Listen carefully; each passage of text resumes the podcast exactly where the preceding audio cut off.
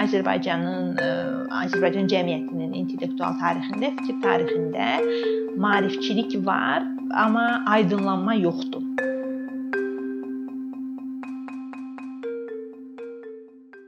Deməli biz bu gün maarifçilik mövzusu haqqında danışacağıq və maarifçilik mövzusu ilə bağlı bir iddia irəli sürəcəyik və bu iddia ondan ibarətdir ki, Azərbaycanın Azərbaycan cəmiyyətinin intellektual tarixində, fikir tarixində maarifçilik var, psevdo aydınlanma var, amma aydınlanma yoxdur. Biz niyə bu üç sözdən istifadə edirik? Bunu biraz sonra izah edəcəyəm. Ona kimi e, ümumiyyətlə e, qısaca giriş verim ki, nəyə görə maarifçilik mövzusu haqqında danışılmağa dəyər bir mövzudur. E, deməli, Azərbaycan cəmiyyətinin fikir tarixində ortada olan belə loru dillə desək, dişə dəyər bütün layihələr, layihələr maarifçilik layihələridir.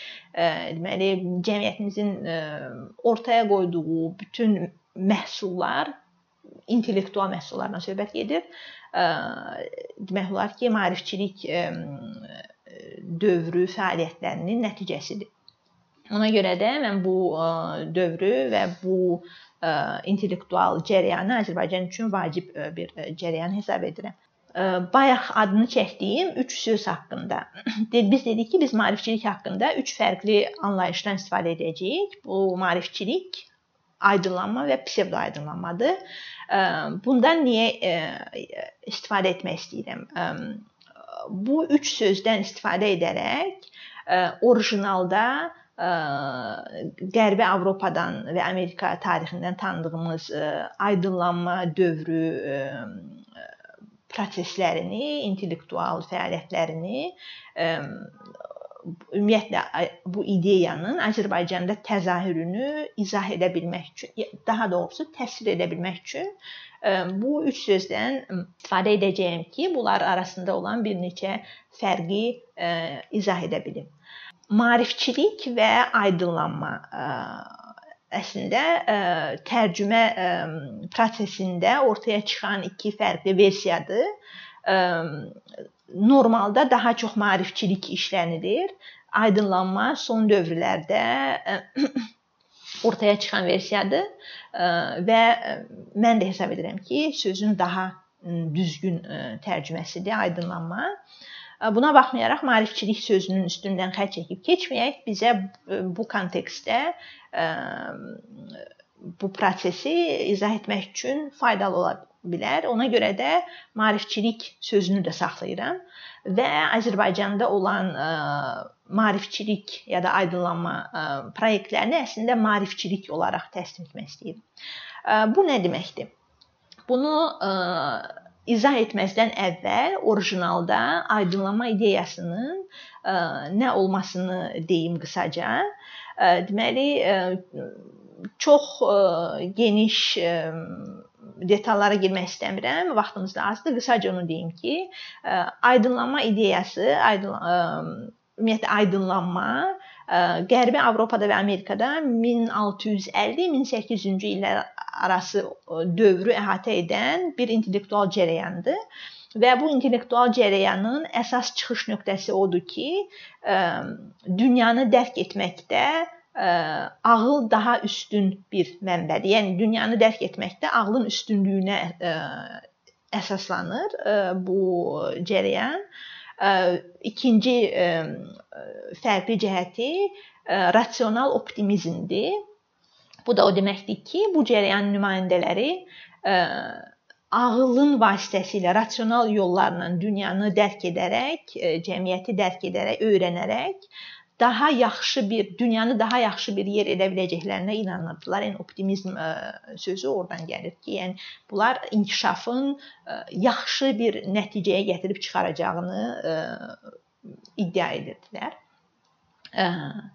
Deməli, bundan başqa bu gün bizim üçün lazım olan daha bir vacib məqam var aydınlanma tarixindən. Bu da Kantın Aydınlanma nədir essesindən çox məşhur bir essedir. yəni bu essedə ilk dəfə ifadə ifadəyə gətirdiyi öz ağlından istifadə etmək cəsarətin olsun şüarı sapere od ya da sapere aude baxır kim necə tələffüz edir. yəni öz ağlını istifadə et. Yəni öz ağlından istifadə etmək cəsarətində ol. Bu bu şüar vacibdir bu bizim bu üç sözün fərqləndirilməsi məsələsində. Öz ağlından istifadə etmək cəsarəti məsələsində o şüarda ağıldan istifadədən gedir hər bir halda söhbət. Ağlın ətraf aləmi da ümumiyyətlə ağlın dərk etmə ə, fəaliyyəti də çox şərti olaraq biz onu iki mərhələyə bölə bilərik. Ə, problemin təsbiti rədd etmə, yəni rədd etmə o mənada ki, bu bu səhvdir. Yəni səhvin təsbit edilməsi, yanlışın təsbit edilməsi və rədd edilməsi. İkinci də doğrunun tapılması. Birincisini inkarçı mərhələ adlandırırıq, ikincisini yaradıcı mərhələ adlandırırıq.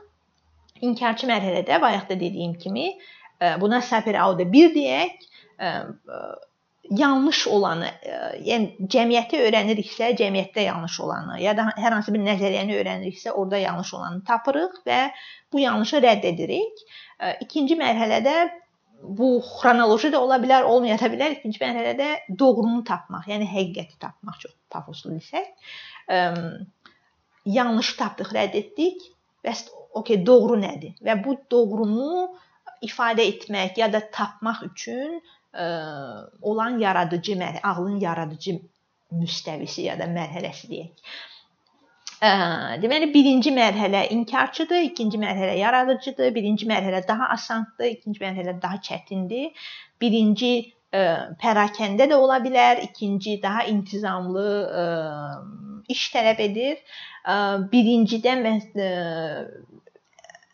birinci daha inqilabçı mərhələdir həm də və ə, pafosa xitab edən janrlardan istifadə olunur. Əsasən ədəbiyyatda, dramaturgiyada, musiqidə İkincidə isə nəzəri abstraksiya, nəzəri təfəkkür tələb olunur və pafosla işi yoxdur, belə deyək.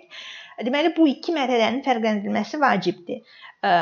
Bu iki mərhələdən biz Azərbaycan maarifçilik tarixinə baxsaq, görərik ki, ancaq birinci mərhələ var bizdə. Yəni bütün maarifçilik tariximiz, bütün maarifçi layihələr inkarçıdır. Problemləri təsbit edirlər, səhv olanı təsbit edirlər və onu rədd edirlər. Bu yanlışdır, bunu rədd etmək lazımdır. Amma doğru nədir sualı bir nəzəri sual kimi mütəmadi buna qarşı bir laqeydlik var, elə bir maraqlı deyil. Ehtiyac yoxdur kimi görünür. Yəni Buna ümumiyyətlə müraciət yoxdur.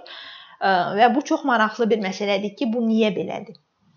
Hər bir halda, yəni ora gəlməzdən əvvəl deməli iddiamız o idi ki, bizdə aydınlanma yoxdur, maarifçilik var.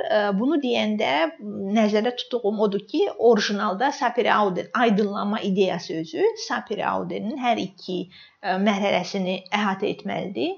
Bizdə olan ə, layihələr isə, yəni maarifçilik fəaliyyəti isə bundan ancaq birinci mərhələni ə, əhatə edə bilib ya da etmək istəyib. Bu bilinmir, bu ə, yəni araşdırılmamış bir mövzudur. Ümumiyyətlə sual olunmayıb ki, niyə görə belədir? Bəlkə məqsədlidir, bəlkə zəiflikdir, bəlkə gücdür. Bu iddiada olanlar da var. Yəni mən nəzərdə tutduğum odur ki, bizdəki maarifçilik Sapir-Audun ancaq inkarçı mərhələsində var. Deməli biz maarifçilik və aydınlanmanı fərqləndirdik. Aydınlanmanı ideyanın orijinalında nəzərdə tutulan ə, definisiya kimi belə deyək, ə, təsbit etdik. Maarifçilik isə bu aydınlan qərbdən qərbdən Rusiyanın vasitəsilə bizə gəlib, rus maarifçilərinin vasitəsilə bizə gəlib çatmış ə, maarifçilik fəaliyyətini adlandırmaq üçün istifadə etdik ki, biz bunu yarımçıq aydınlanma kimi görə bilərik. Başqa bir başqa bir istifadə etmək istədiyim söz də bayaq dediyim kimi maarifçilik aydınlanma, bir də var psevdo aydınlanma. Psevdo aydınlanma deyəndə nəyi nəzərdə tuturam? Psevdo aydınlanma deyəndə Sovet dövrü maarifçiliyi nəzərdə tuturam. Sovet dövrü maarif, yəni maarifçilik ideyası özü aydınlanma ideyası orijinal olaraq və daha konkret Sapir Aude çox inqilabi potensiala malik bir şüardır əslində. Digər tərəfdən də kifayət qədər paternalist bir şüardır. Yəni aydınlanmış bir baş bilənin belə deyək, obrazı var. O aydınladır, yəni yolu o göstərir, işığı o tutur. Və bu Sovet dövrü təbliğatına çox uyğun bir şüar idi. Və Sovetlərin ilk dövründə maarif kifayət qədər böyük maarifçilik layihələri olub. Amma getdikcə Sapere Aude e, tamamilə qadağaya uğradı Sovetlərin vaxtında. Yəni e, öz ağlından istifadə etmək cəsarətini sən məsələn partiyanın fəaliyyətinə ya da e, siyasi e, elitanın fəaliyyətinə yönəldə bilməzdin. Ümumiyyətlə ağıl e, senzuraya alındı bir ə, baş bilən ortada qal, aydınlanmış baş bilən Kommunist Partiyası o haraya işıq salsa, elə də e, oranı görə bilirdin. Yəni e, aydınlama ideyası öz mahiyyətinə tamamilə zidd olan bir ə, e, ə, ideologiyanın ə, alətinə, daha doğrusu dekorasiyasına çevrildi. Buna görə də onun saxta maariflən, saxta aydınlanma adlandırmaq olar. Ona görə psevdo aydınlanma deyirəm buna. Ə, yəni bu 3 sözü fərqləndiririk. Bəs bu ə, fərqləndirmə bizə nə verir? Fərqləndirmə, yəni ə, maarifçilik, aydınlanma və psevdo aydınlanma anlayışları arasında fərqləndirmə etmək bizə nə verə bilər? Ə, bu fərqləndirmə birinci olaraq ona görə ə, faydalıdır ki, hazırda maariflənmə adı altında ə, təbliğ olunan ə, fəaliyyətlərə tənqidi yanaşa bilək və görə bilək ki, ümumiyyətlə orada nə baş verir. Bu nə deməkdir? Yəni informasiya axınında, mətbuatda çox tez-tez rast gəlinir ki, maarifləndirici seminarlar, maarifləndirici layihələr, təhsil maariflənmə ya da maarifçilik olaraq təbliğ olunur. Dindarlar məsələn, dindar qruplar maariflənmədən danışır. Postmodernistlər maariflənmədən danışır. Yəni maarifçilik sözü çox qarmaqarışıq məzmuna malik bir anlayışdır bizdə və içində hər cür hər cür proyekt var və bu içində təbliğ olunan işlərin məzmununa baxsaq, biz görürük ki, bunlar əslində maarifçi maarifçiliklə həm də orijinal ideya aydınlama ilə əlaqəsi olmayan məzmunlardır. Bəzi hallarda isə ümumiyyətlə aydınlanma ideyasını rədd edən, ona zidd olan intellektual mövqelərin təbliğatı maariflənmə ya da maarifçilik adı altında gedir. Buna görə bunları fərqləndirmək lazımdır ki, bunlardan hansı nədir? Burada sui-istifadə varmı? Bu həm də ona görə vacibdir ki, biz avtoritar bir mühitdə yaşayırıq və Sovet keçmişimiz var ki, orada maariflənmə ideyasından aydınlanma ideyasından sui-istifadə olunaraq, elə təhsildən istifadə edərək Sapere Aude bir növ qadağan olunmuşdu. Ə, yəni eyni şeyin hazırda təzədən təkrarlanması ə, təhlükəsi varmı? Yəni bu bu da maraqlı sualdır. Ə, digər tərəfdən də ə, bu üç söz arasındakı fərqi bilmək bizə həm də postsovet dövrü maarifçiliyi qiymətləndirmək üçün faydalı ola bilər. Maraqlı məsələ odur ki, Sovetlər dağılandan sonra ki, senzura aradan qalxdı, Sapir Aude belə deyək, yəni zindandan azad olundu. Qadağa ortadan çıxdı, ortadan qalxdı. Yenidən maarifçiliklə məşğul olan və maarifçilik iddiasında olan şəxslər və qruplar ortaya çıxdı. Bu məsələn ən böyük misal Ayuçulardır, Azad Yazarlar Ocağı.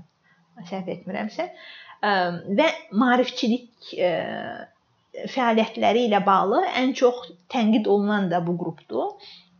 Yəni bunların ə, maarifçilik fəaliyyətini ə, necə hara qoya bilərik? Yəni koordinasiya haradır? Yəni mənim iddiama görə, gördüyümə görə postsovet maarifçiləri, konkret olaraq ayoçular yenə pre-sovet maarifçiliyinin olduğu formata qayıtdılar. Yəni inkarçılıq fəaliyyətinə eyni yəni eyni janrlardan istifadə edirlər. Ədəbiyyat, dramaturgiya yoxdur, okey.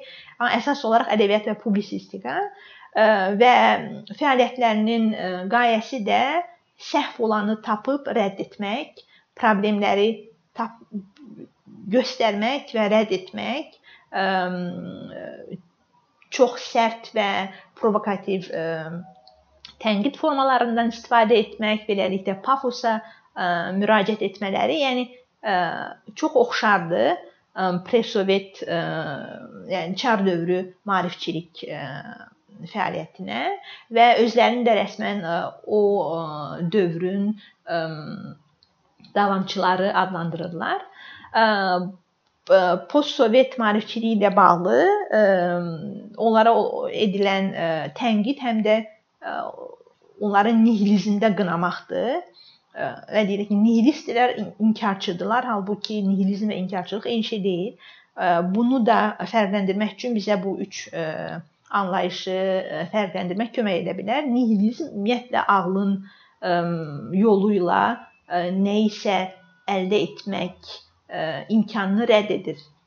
Yəni nihilizm başqa şeylərə də inanmır, o cümlədən də ağlın gücünə inanmır, amma inkarçılıq isə ə, aydınlanma ideyasının tərkib hissəsidir, ağlın funksiyalarından biridir.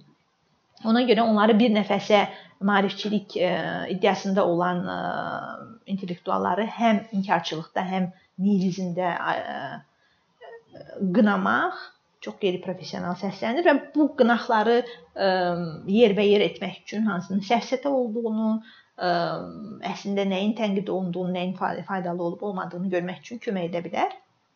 Son olaraq da ə, demək istərdim ki, ə, bizdə maarifçilik ə, intellektual cərəyan olaraq əsas ə, aparıcı ə, istiqamət olmasına baxmayaraq bir intellektual proses olaraq araşdırılmayıb. Ümumiyyətlə intellektual prosesləri, cəmiyyətin intellektual həyatını araşdıran hər hansı bir cəhdlər yoxdur. Əgər belə bir cəhdlər olacaqsa, maraqlı bu, bu məsələdə marağı olan sosioloqlar ya da hər hansı başqa bir istiqamətin nümayəndələri məsələn bu bu suala müraciət edə bilərdilər ki, niyə görə Sapir-Auda 2 yoxdur bizdə? Niyə görə nəzəri müstəvilərə maraqlı deyil bizim intellektuallar? Nəyə görə yaradıcılıq ancaq yəni inkarçılıqdan ibarətdir? Nəyə görə ikinci müştəriyə qalxa bilmirik.